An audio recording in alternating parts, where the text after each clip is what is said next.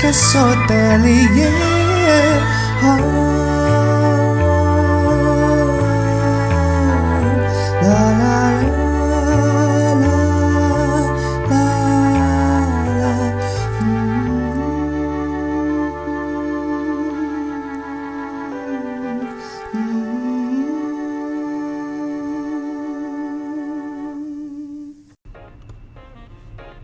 guys, welcome back to my podcast Balado Hotelier Season 2 With me again, your favorite host alive, Romi Romansyah.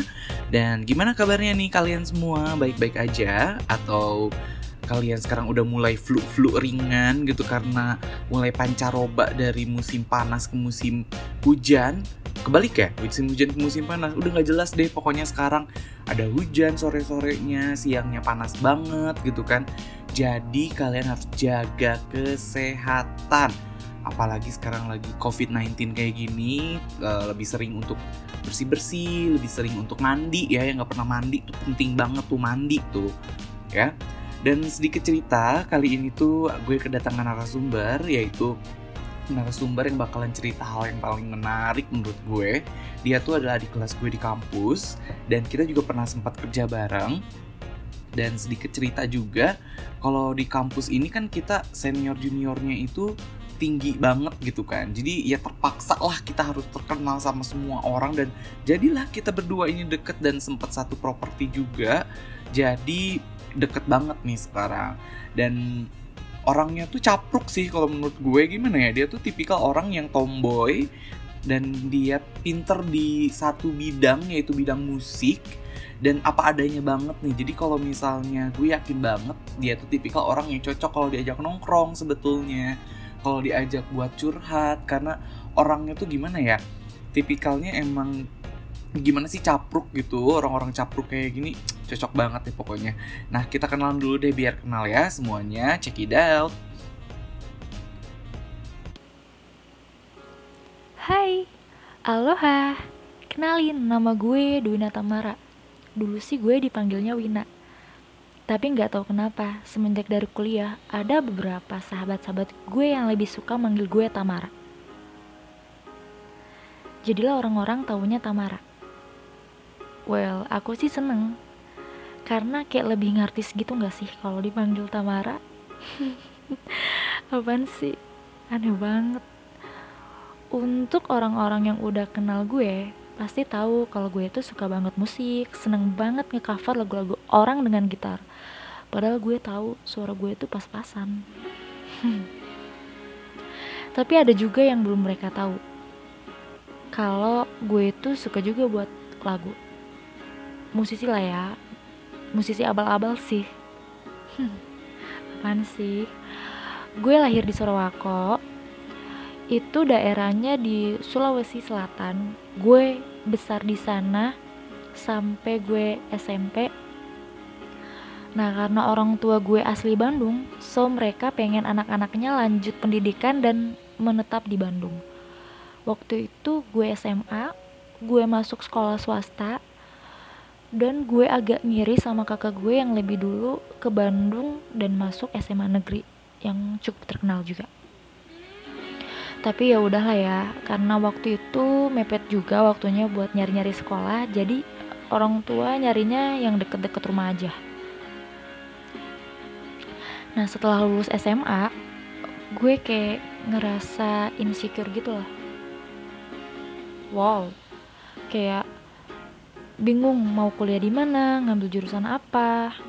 Sedangkan gue lihat teman-teman gue itu udah kayak well prepare banget. Udah nentuin mau daftar dan ngambil jurusan apa aja. Sampai orang tua gue juga udah pasrah banget. Kayak ngebebasin gue sama pilihan gue tapi bapak gue sempet nyaranin sih buat coba ke kampus jurusan musik gitu di Jogja. Karena ada om om gue juga yang kuliah di sana. Nah setelah gue cek dan nanya-nanya ke om gue dia bilang susah banget loh masuk sini. Minimal lu harus punya sertifikat atau pengalaman di bidang musik setahun sedangkan gue enggak. Gue hobi doang. Ya udah gue mundur. Gue juga setengah hati sih kalau harus milih jurusan musik karena kayak skill gue tuh masih jauh banget jauh. Nah akhirnya gue kepikiran untuk nyobain daftar ke STP NHI yang katanya salah satu kampus terkenal keren juga di Bandung. Ya emang sih gue akuin waktu gue lagi main sama teman-teman itu gue ngelihat segerombolan kakak-kakak cantik good looking enak deh dilihatnya. Rapi pakai seragam pantofel. Terus kayak mikir kayaknya keren juga ya kalau bisa masuk ke STPNH itu. Terus gue searching kan di Google gue cari tahu gimana cara daftarnya. Ternyata by online. Gue daftar terus gue apa ngambil perhotelan dan milih room division management. Itu karena nggak tahu ya gue random aja milihnya karena masih buta gitu loh. Bingung. Dan akhirnya gue harus datang ke kampus untuk pertama kalinya karena harus ngeberesin administrasi dan persyaratan-persyaratan lainnya. First impression gue pas ke kampus itu jujur gue interest banget. Karena waktu sebelum masuk ke gedungnya itu ada kakak-kakak senior yang waktu itu berkontribusi untuk ngarahin kita dulu buat dicek groomingnya. Terus gue otomatis langsung ah apaan grooming oh ternyata sebelum masuk ke kampus itu kita tuh diwajibkan untuk mastiin penampilan kita itu udah well dressed belum, udah rapi belum, udah sopan belum, udah wangi belum. Nah, terutama untuk cewek-cewek, ternyata make up itu harus selalu on. On, on. kayak langsung mikir, wow, kayak seru sih ini. Jadi bisa men-trigger diri gue yang dulunya bodoh amat sama masalah penampilan jadi harus menjaga penampilan banget. And to be honest setelah gue milih um, pilihan gue untuk ngambil perhotelan itu ada drama dulu sih. Kayak keluarga besar gue udah pada tahu dan ada beberapa yang gak setuju dan lebih parahnya lagi ada omongan-omongan mereka yang bisa dibilang cukup meremehkan gue banget. Itu sampai gue nangis cerita ke mama. Terus di situ coba gue coba untuk kayak masa bodoh sama omongan-omongan mereka. Karena orang tua gue sendiri nggak komplain malah kayak ngedukung gitu. Terus di situ juga kayak gue pengen ngebuktiin ke mereka mereka kalau gue tuh percaya dan yakin sama pilihan gue dan gue bakal ngebuktiin kalau gue bisa ngelakuin apa yang belum tentu mereka lakuin. Cile setelah akhirnya gue ngikutin berbagai macam tes interview tes kesehatan gue di situ kayak berdoa terus supaya hasilnya bagus karena gue ngarep banget bisa lolos sampai akhirnya gue menanti-nantikan hasil pengumumannya dan udah ada di websitenya. Terus gue panggil mama buat nemenin nyaksiin. Gue cari-cari kan tuh waktu itu kalau nggak salah masih pakai nomor peserta iya nggak sih? Terus gue cari-cari gue cek-cek. Ternyata alhamdulillah ada dong nomor peserta gue terus gue auto cirambai terharu gitu. Karena at least gue cuma jalanin satu tes di satu kampus. Maksudnya ngejalanin tes di satu kampus aja dan keterima. Seneng banget gak sih? Bukannya sombong maksudnya jadi nggak perlu nggak perlu ngerepotin orang tua lagi buat nyari-nyari kampus lagi ke mana-mana lagi kayak gitu loh terus yang serunya di jurusan gue ini kita ada satu minggu praktek dan satu minggu teori. Susah senengnya kuliah di kampus STP ini ya pasti ada lah ya. Yang susahnya dulu deh kalau gue pribadi pas minggu praktek. Karena kita wajib menghafal semua knowledge atau materi-materi yang udah dikasih sama senior dan mereka bakal ngetes kita tiap hari. Tiap hari dong deg deg-degan gak sih? Kalau gue sih mulus karena gue tipikal orang yang males banget ngapalin materi-materi. Semacam itu gue lebih prefer ngapalin lirik or chord gitar ins- instead of materi-materi kayak gitu atau knowledge terus yang ribet banget itu kalau minggu praktek harus masuk pagi ya. Karena rumah gue agak lumayan jauh. Jadi gue subuh-subuh harus repot. Harus udah make up nyepol rambut. Karena gue nggak terbiasa make up di kampus sih. Terus karena gue naik motor ya sama aja cepolan gue rusak. Jadi harus touch up lagi di kampus. Kerja dua kali kan jadinya. Terus yang senengnya itu semenjak gue kuliah di STP gue jadi tahu punctuality dan absensi itu berarti banget. Jujur. Terus yang bikin gue nggak nyangka karena salah satu mimpi gue bisa tercapai hihihi. Apaan sih? Contohnya job training dapat kesempatan untuk training ke luar negeri walaupun masih Asia ya itu di Kuala Lumpur. Itu udah seneng banget keluarga gue juga. Apalagi yang seneng parah itu pas lulus kuliah bersyukur banget dong bisa dapat pekerjaan langsung ke Middle East keren ternyata kampus ini tuh udah banyak kerjasamanya sama hotel-hotel di luar negeri. Jadi untuk kalian-kalian jangan ragu deh cobain aja dulu. Dan gue mau ngasih sedikit tips untuk kalian yang pengen nyoba daftar ke STP atau di kampus mana pun itu yang pertama kalian harus ikutin kata hati kalian dulu. Kalau udah yakin kalian harus bersungguh-sungguh percaya diri. Jangan lupa berdoa. Minta doa minta restu orang tua itu penting banget. Oke? Mungkin segitu dulu dari gue. Untuk kalian semangat terus. And bye bye Gimana nih, udah kenal sama Tamara? Tamara, bukan Tamara Blazensky, bukan Tamara Geraldine gitu ya. Ini Tamara Capruk yang temen gue Sunda banget. Dia walaupun ternyata dari Pulau Jawa ya dulunya, lahirnya juga di Sulawesi dan lama di sana sampai SMP katanya. Mulai di Bandung itu ketika SMA nih. Jadi bener-bener nih podcast hotelier ini tuh sudah menjamah ke daerah-daerah selain Pulau Jawa doang nih tapi udah ke Sulawesi, udah ke Maluku, Papua Barat, Sumatera. Gila, udah se-Indonesia banget mendengarkan podcast Balada Hotelier ini nih kan. Jadi hits banget deh kalau kalian ngedengerin podcast ini.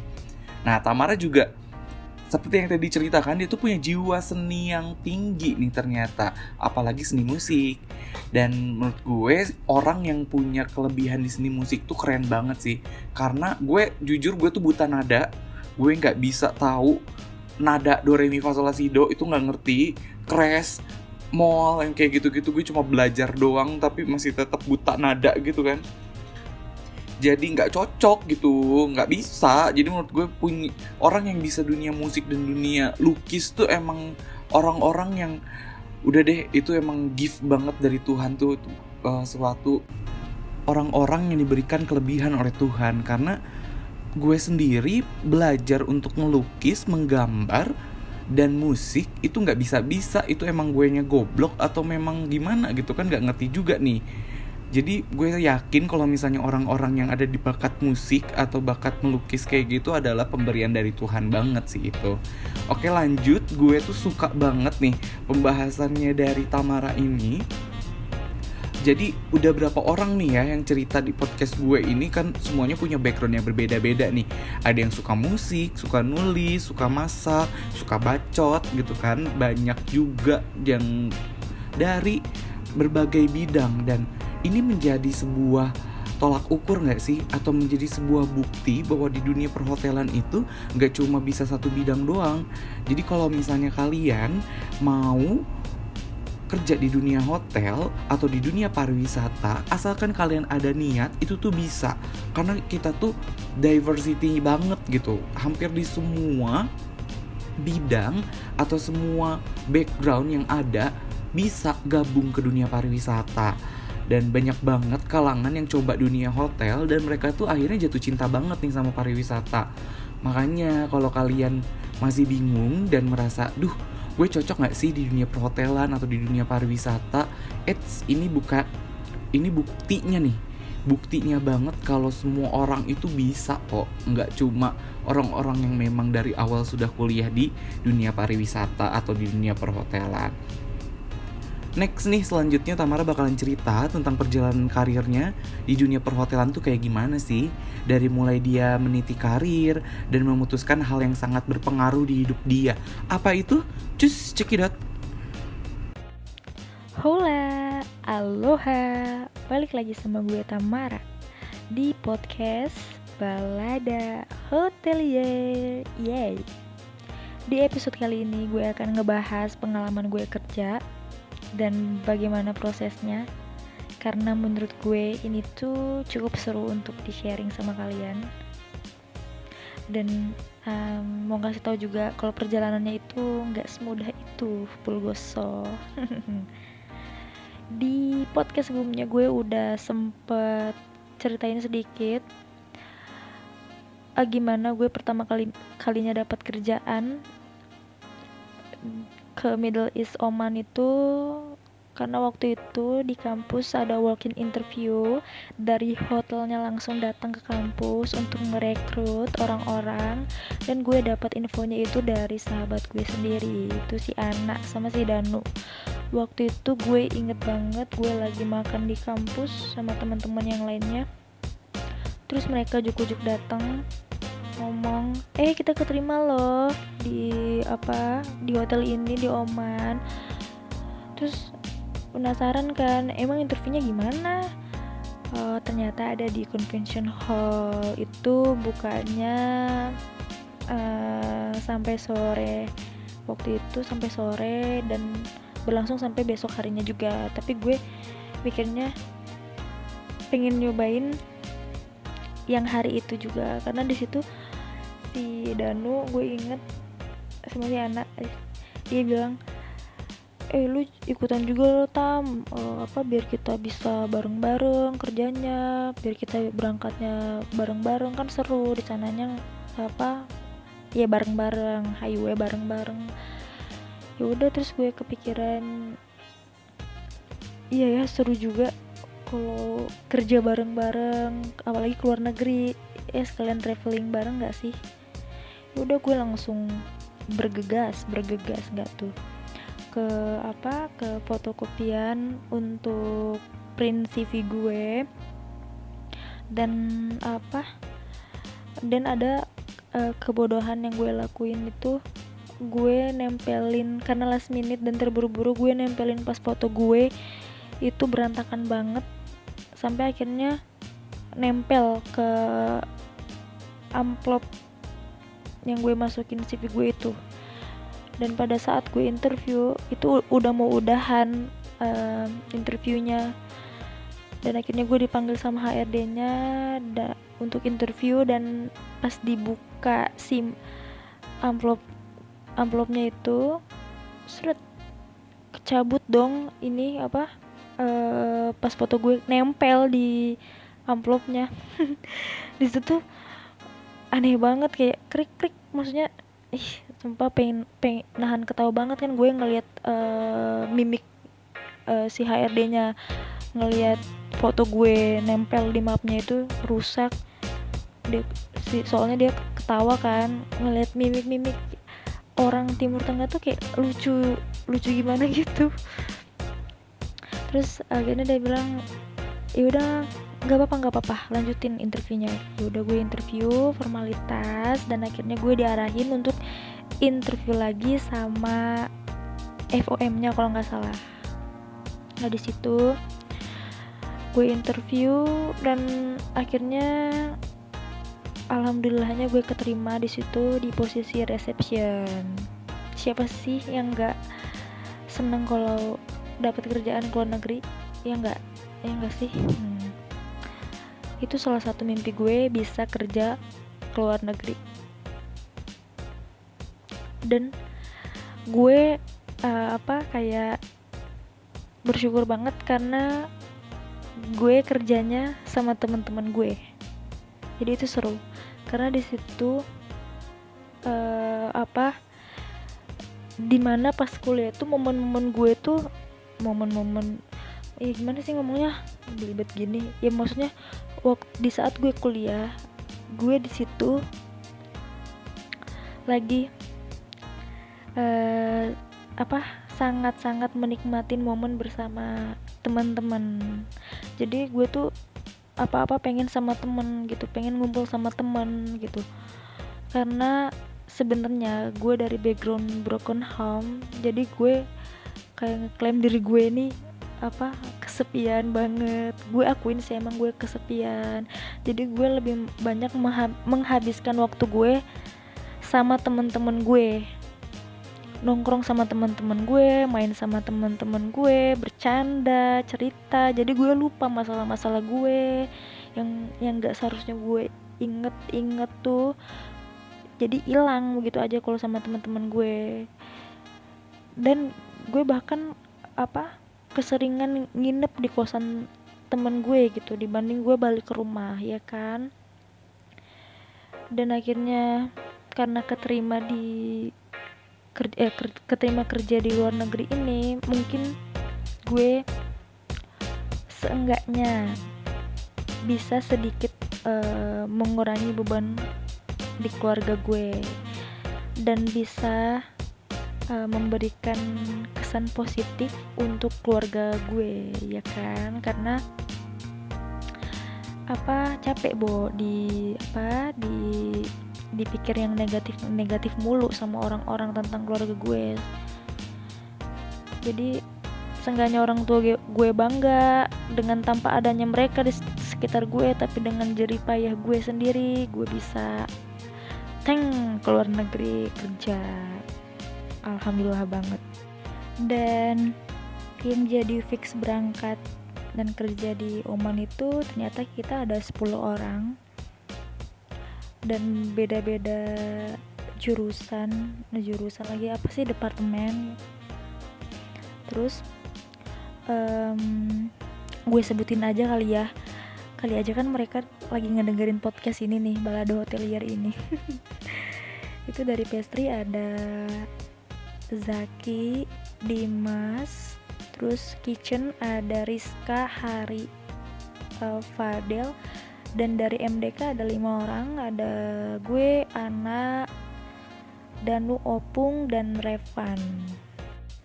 Dan karena gue harus eh, apa berangkat ke luar negeri nih di situ gue menciptakan momen momen yang sangat gue tunggu-tunggu dan sangat gue rindu-rindukan. Gue ngumpulin keluarga gue eh, dan gue berhasil apa ngumpulin mereka satu mobil. Jadi kan ada omongan gitu jadi cair lagi suasananya. Karena gue jujur gue rindu banget kan. Kapan lagi kan bisa kayak gitu. Nah terus eh, ternyata hotel yang di Oman ini itu dibagi tiga ya. Ada yang khusus eh, honeymoon couple, bisnis, dan eh, family. Dan gue apa kerjanya di hotel yang khusus bisnis ini. Gue sama anak waktu itu.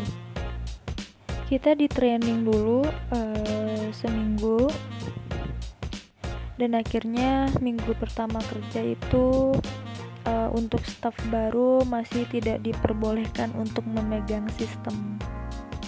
Jadi ditempatkannya di lobby ambasador saja waktu itu.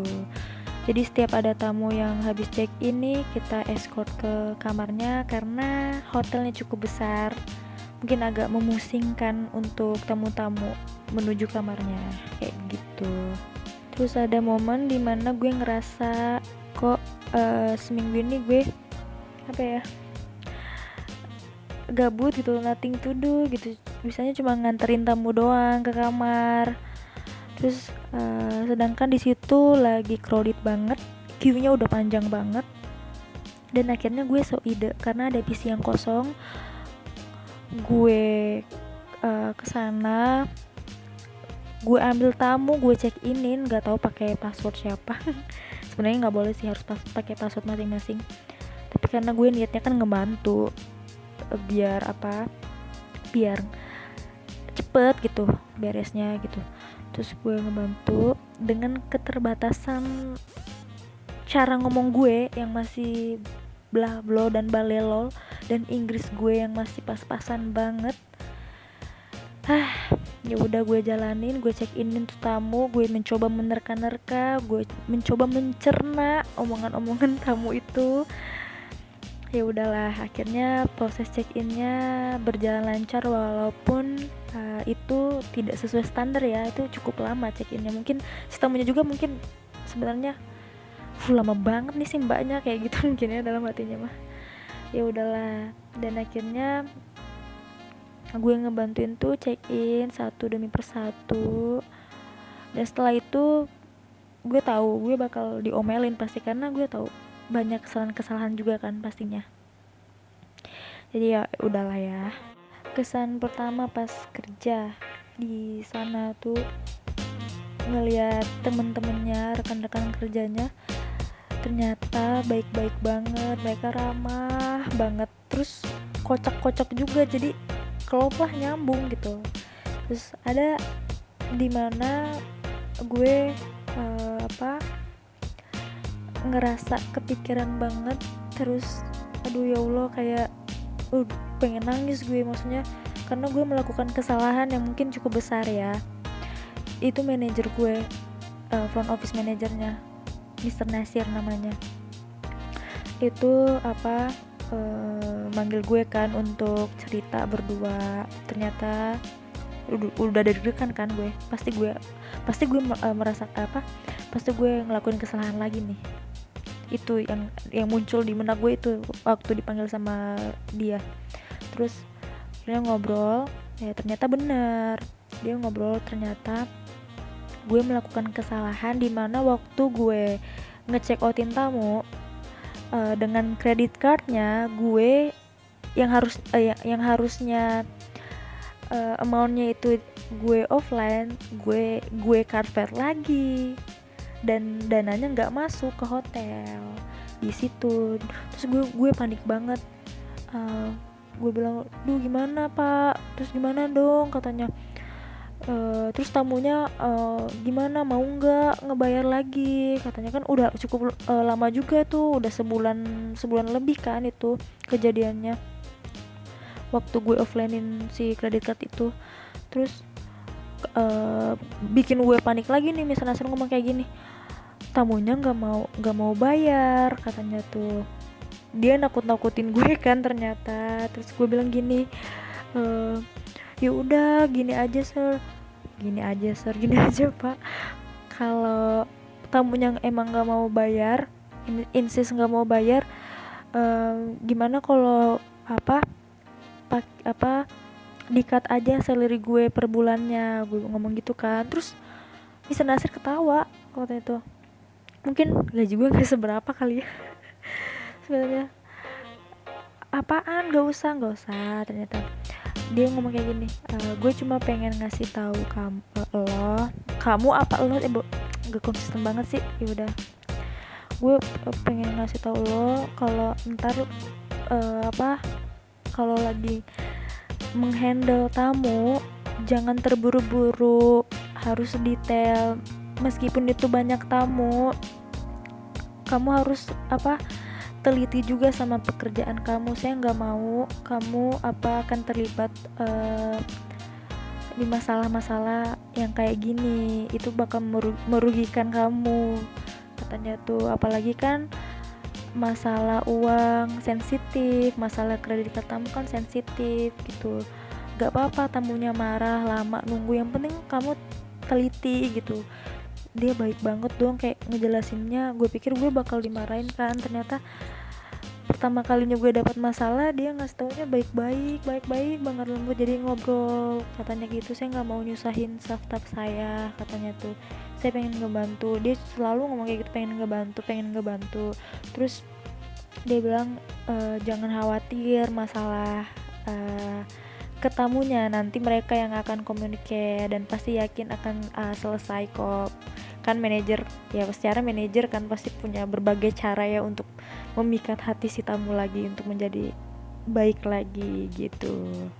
Dan yang bikin gue kagum eh, kagum juga sama mereka semua di sana ya teman-teman gue yang di sana itu eh, pas gue sakit gue harus operasi itu kejadiannya kan waktu itu gue lagi night shift selama seminggu.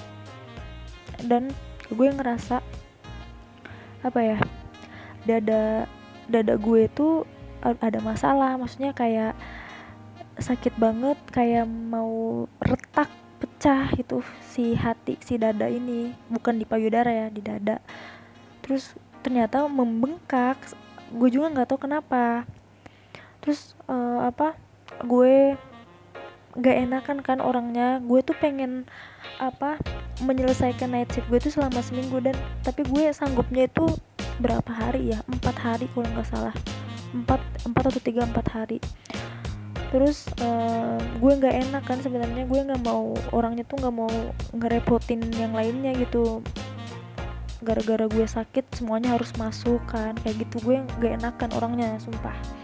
Terus akhirnya gue apa pak waktu kan night shift terus eh, pagi terus apa ya iya night shift terus gue info ke night shift oh apa sih gue ngomong apa? Ya ada supervisor gue yang lagi afternoon shift itu pulangnya sampai jam 12 malam kalau nggak salah kan itu gue night shift gue cerita. Mem eh, mem.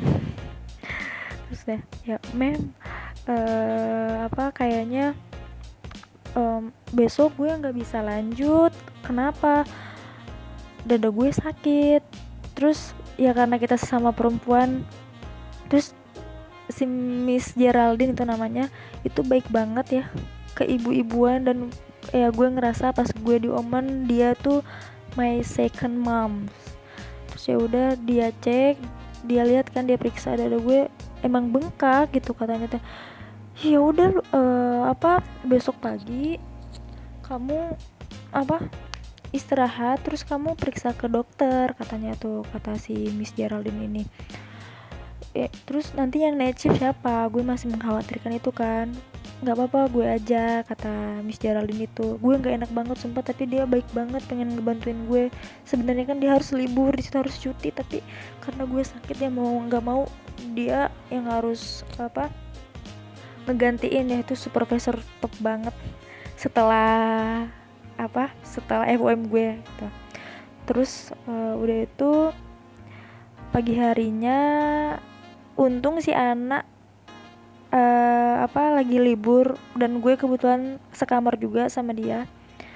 Gue minta tolong Ana buat nganterin gue ke dokter. Kita pergilah tuh naik taksi kan pakai taksi. Nyampe di sana dicek ternyata gue harus apa dioperasi. Ya kaget lah dioperasi emang penyakit serius gitu. Nggak tahu kenapa kata dokternya itu ada cairan yang harus diangkat. Ah gue nggak tahu itu apa. Sampai dada gue bengkak gitu nggak bisa napas juga. Dan akhirnya gue harus di op opnam uh, seha nggak tahu lupa gue. Terus uh, apa? Um, ternyata di situ tuh FOM gue si Mister Nasir ini datang bela-belain. Dia waktu itu sendiri atau berdua ya? Nggak tahu lupa gue. Datang dong bela-belain pas gue di apa dirawat itu. Uh, dia bilang dapat kabar kan dia dari si anak kalau gue harus dioperasi. Dia bilang uh, apa kok kok lu nggak pernah cerita sih kalau lu sakit? Katanya gitu. Lu kenapa? Makan apa lu? Kayak gitu. Khawatir banget dia. Sumpah baik banget. Sumpah itu itu FM paling baik deh. Terus kata kata gue ya gue nggak nggak tahu apa-apa. Tiba-tiba sakit katanya tuh. Kamu kalau merasa capek uh, apa di kerjaan itu bilang aja. Nggak usah malu. Jangan maksain kata dia tuh gitu. Terus terus gue kan masih apa bingung ya kayak gimana ya administrasi yang administrasi untuk apa operasinya kayak gimana gue masih buta gitu kan terus ya mungkin uh, si Mr. Nasir ini ngerti kali ya ada kita mah perantau ya uh, dan baru juga baru pertama kali kerja fresh graduate sama dia ditolongin dia dia ngomong gini e, kamu nggak usah mikir apa apa kamu di sini aja istirahat sama ditemenin sama anak. Ntar masalah administrasi segala macamnya itu uh, saya aja katanya yang ngurusin. Ntar saya telepon HRD-nya baik banget gue. Terus gue dikasih apa ya dikasih apa ya gue lupa. Kasih buah pokoknya gitu lah baik-baik. Dan apa selama gue dirawat itu temen-temen tuh kayak uh, apa dengan dengan kita beda maksudnya beda culture beda negara berdatangan baik masih ada weh orang-orang baik tuh kayak apa nengokin gitu apa nanya apa pokoknya gitulah peduli gitu kayak sumpah gue kagum gitu. Apalagi si Miss Geraldine ini uh, supervisor gue ini. Ya Allah kayak apa kayak eh, gue anggap udah kayak emak gue sendiri suka ngirimin makanan kan. Dimasakin apa aja pokoknya eh baik banget dia. Dan di sana tuh uh, pas kerja kayak kita tuh kayak gimana ya kayak have fun gitu nggak stres. Karena mungkin uh, apa temen-temennya kocak-kocak semua. Ditambah nih ada si anak kan uh, itu mah udah jelek buruknya udah gue tahu banget kan. Kalau sisip sama dia tuh nggak pernah serius sumpah. Ada kejadian di mana dia melakukan hal bodoh konyol banget dan gue nggak bisa nahan ketawa dan semua uh, guys eh, tamu gue sama tamu dia tuh ketawa karena ngelihat tingkah si anak ini.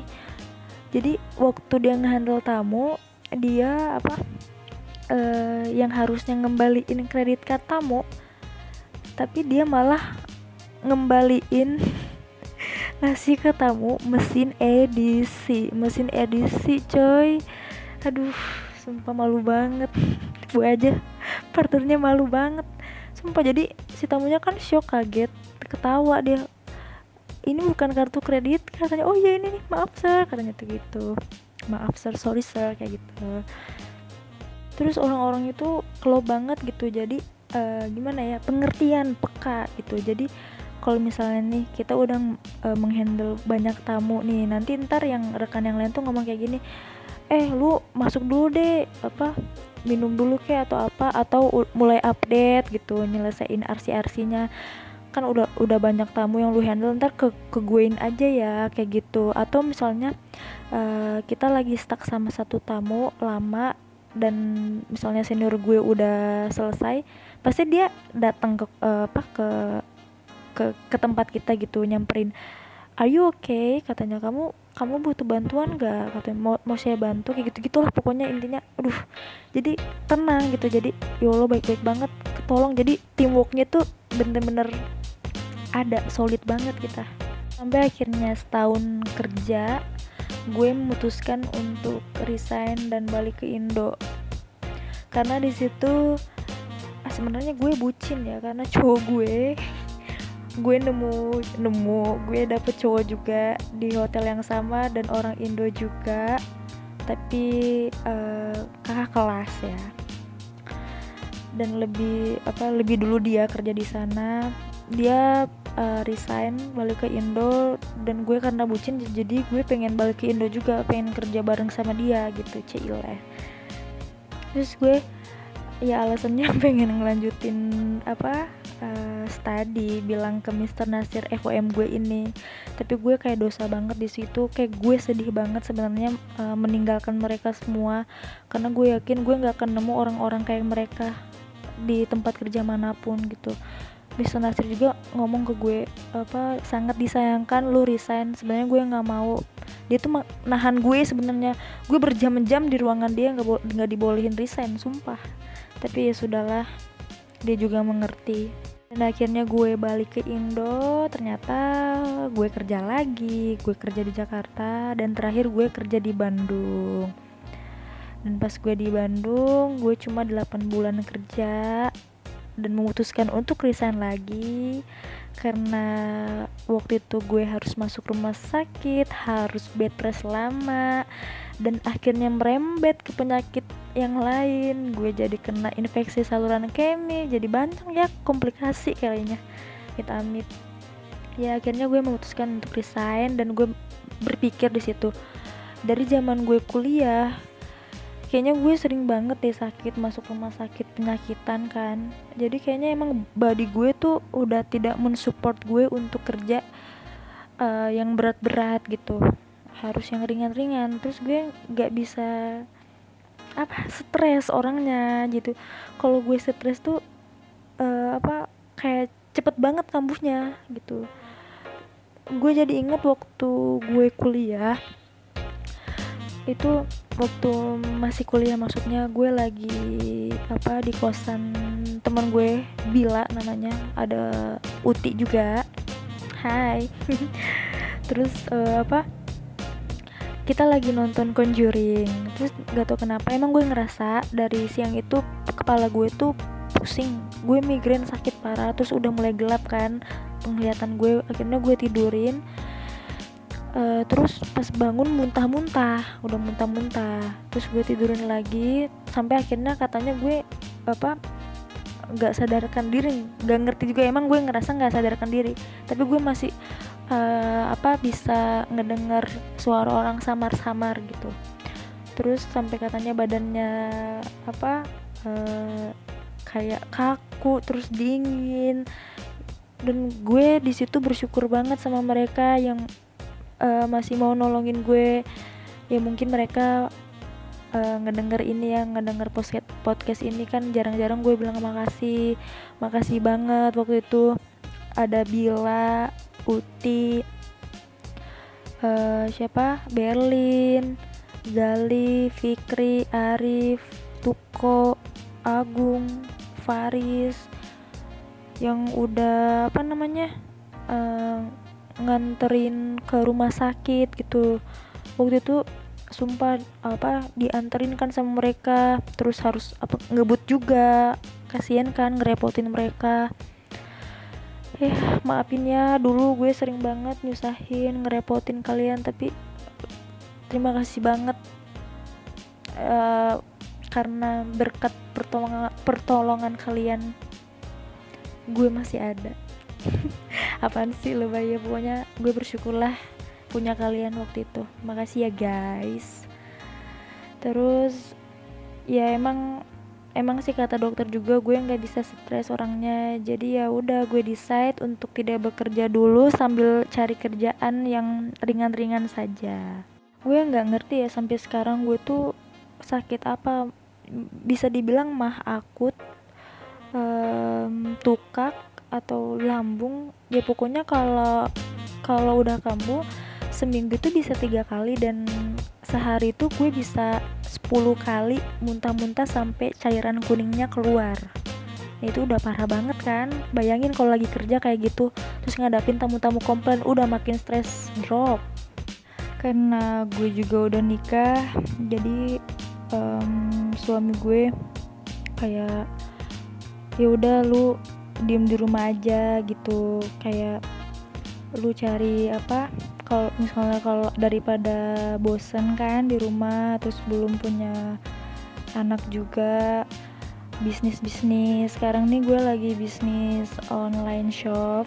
Ya masih meraba meraba juga ya masih kecilan kecil kecilan juga yaitu gue gue punya mimpi sebenarnya punya apa punya store sendiri punya brand sendiri punya konveksi sendiri gitu loh yaitu terus karena gue juga suka musik dan suami gue juga suka musik kita tuh punya mimpi pengen punya studio musik rekaman sendiri. Jadi nggak perlu repot-repot rekam rekam sana sini kan. Nggak tahu ya kenapa gue tuh anaknya kayak suka aja uh, ngulik ngulik alat-alat musik gitu kayak pengen belajar alat musik ini ah pengen belajar uh, musik ini ah kayak gitu. Nggak tahu kayak seneng aja gitu. Terus dengan bermain musik dan menyanyikan lagu-lagu itu kayak apa ya kayak perasaan perasaan yang gue rasain tuh kayak tersalurkan gitu. Kayak kayak gimana ya ya gitu kayak ah apalah susah di susah untuk disebutkan ya pokoknya. Kayak relate banget musik tuh sama kehidupan kehidupan apaan sih? Untuk sekarang ini gue juga pengen fokusin ke online shop gue. Karena gue pengen nyobain uh, pengen bikin baju itu dari hasil tangan gue sendiri. Dan gue udah sempet apa namanya uh, ikutan les private menjahit tata busana itu selama seminggu sih. Jadi gue masih belajar-belajar juga meraba-raba juga. Jadi mudah-mudahan ke depannya gue udah bisa apa uh, menghasilkan baju-baju sendiri ya gue melihat 10 tahun ke depan diri gue insya Allah itu menjadi istri yang baik tentunya ya. Dikarenakan gue dari uh, maksud gue ya keluarga gue uh, yang tidak baik-baik saja dulu. Jadi gue mengusahakan untuk di keluarga gue yang sekarang bersama suami gue pengen itu akan baik-baik saja seterusnya. Tidak akan mau ada uh, apa perpecahan. Gue mengusahakan itu harus. Karena gue nggak mau ntar anak gue akan merasakan apa yang gue rasain dulu. Kayak gitu. Gue kepingin juga menjadi ibu yang baik buat anak-anak gue. Dengan gue apa bisa menghasilkan entah itu karya atau bisnis sendiri. Yaitu kan ujung-ujungnya buat anak-anak gue juga ntar.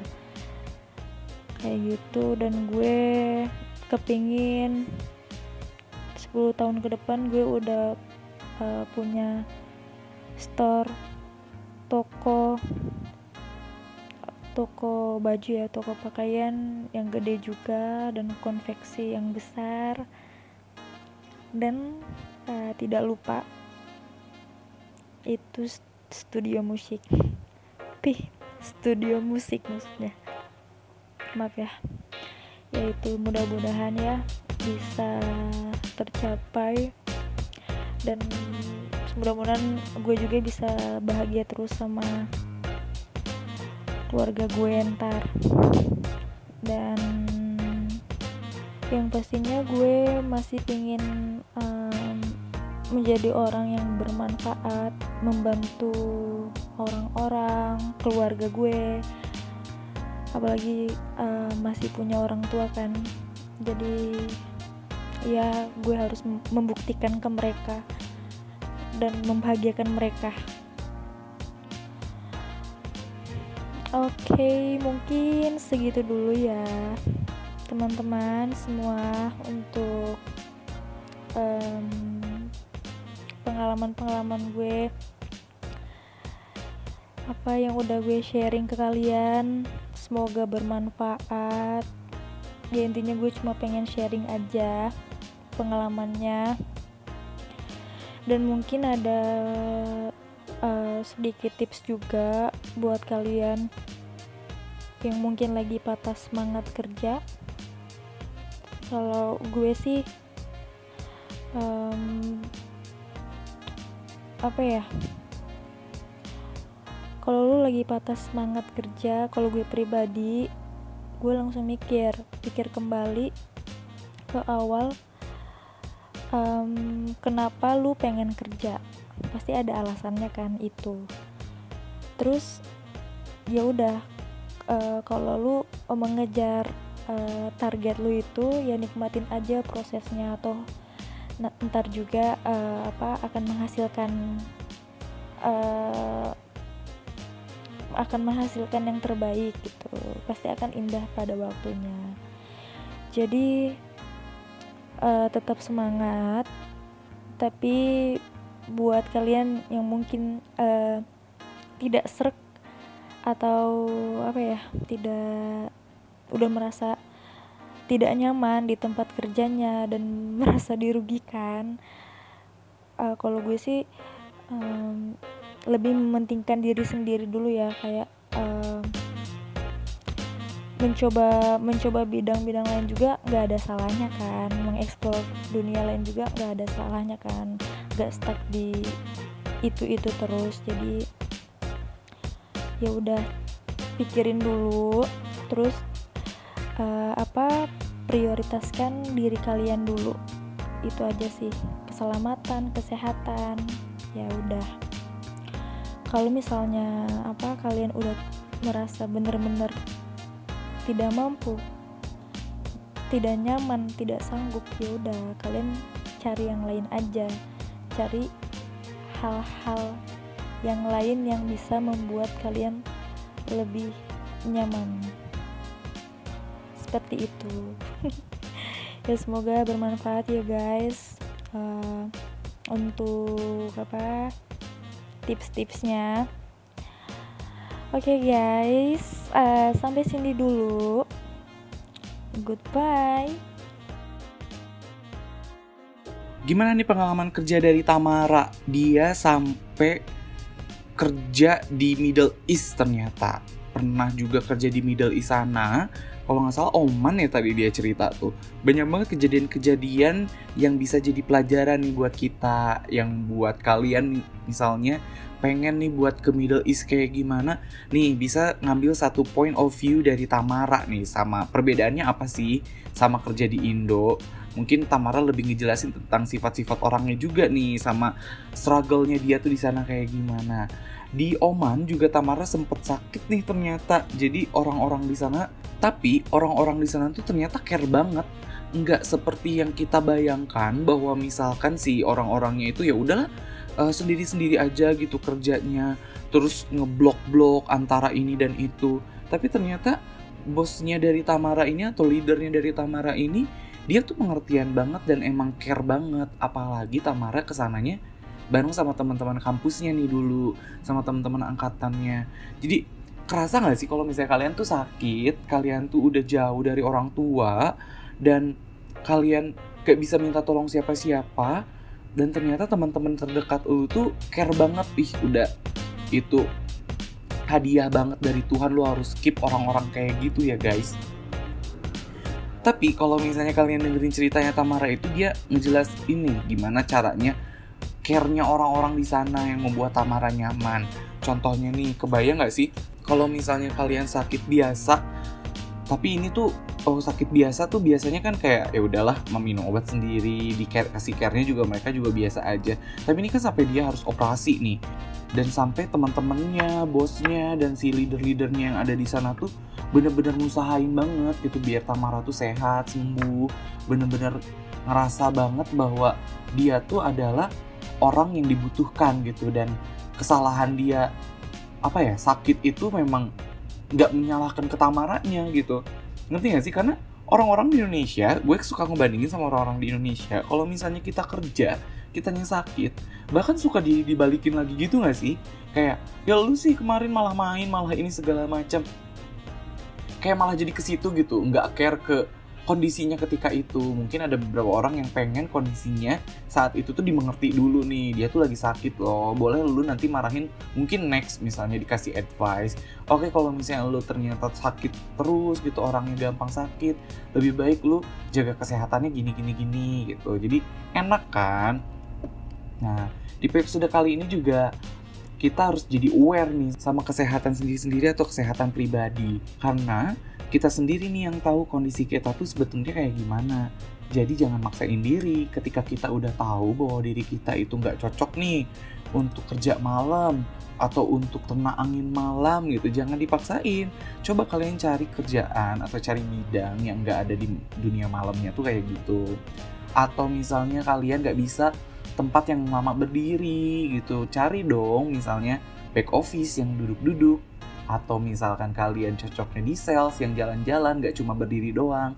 Coba dipahami dulu sehingga kalau misalnya kalian tahu kondisi badan kalian kayak gimana kalian tahu nih manage nya juga kayak gimana. Jadi sayangi diri sendiri dengan jaga kesehatan ya. Apalagi kan di New Hotel tuh banyak banget nih yang kurang aware sama kesehatannya sendiri. Dari mulai telat makan jarang minum nahan pipis udah jadi kebiasaan gak sih anak-anak hotel tuh kalau misalnya kerja mereka tuh hal-hal itu tuh poin-poin yang tadi gue sebutin yang kurang banget nih untuk mereka pahami bahwa hal-hal yang kayak gitu tuh nggak boleh. Kita tuh harus tetap jaga pola makan tetap uh, jaga pola tidur minum dan jangan sampai nahan pipis. Kelihatan kan sekarang juga tuh si Tamara aja kemarin tadi katanya dia cerita bahwa dia tuh sakit saluran kantong kemih bisa jadi mungkin ada penyebabnya karena sering nahan pipis kali ya di front desk ngecek ini. Nah, jangan kayak gitu ya guys. Jadi kalau misalnya mau kalian lebih baik uh, apa minta izin atau kalian udah tahu uh, apa trik-triknya kayak gimana gitu kan. Lebih lebih baik ke situ sih mendingan ngobrol gitu. Informasi itu yang kayak gitu kan penting ya untuk hal-hal kesehatan yang kayak gini coba diobrolin sama leader-leadernya jangan sampai kalian kekurangan dari pihak-pihak yang dari poin-poin yang tadi disebutkan. Tadi juga Tamara bagi-bagi tips kan ya untuk kerja tuh kayak gimana. Jadi kalian bolehlah catat sambil ambil positifnya nih dari cerita Tamara tuh kayak gimana. Tips-tips yang dia kasih kalian bisa catat, kalian bisa pahami kalau misalnya kalian nanti merasa oh, gue kayaknya cocok nih untuk kerja di luar negeri di Middle East sama kayak prosesnya si Tamara atau nanti ada yang udah di Middle East kali ya? Atau yang mereka merasakan seperti apa? Coba diceki-ceki dulu gitu kan. Sekian topik kita kali ini dan semoga banget hal ini atau topik kita kali ini tuh bisa nambah wawasan kalian. Semoga menjadi perspektif baru di kepala kalian juga dan seperti biasa, gue selalu mengundang kalian semua buat kirim pengalaman kalian ke email at balada hotelier atau ke Instagram gue juga di @romiromansyah. Dan stay healthy, stay positif, bye-bye.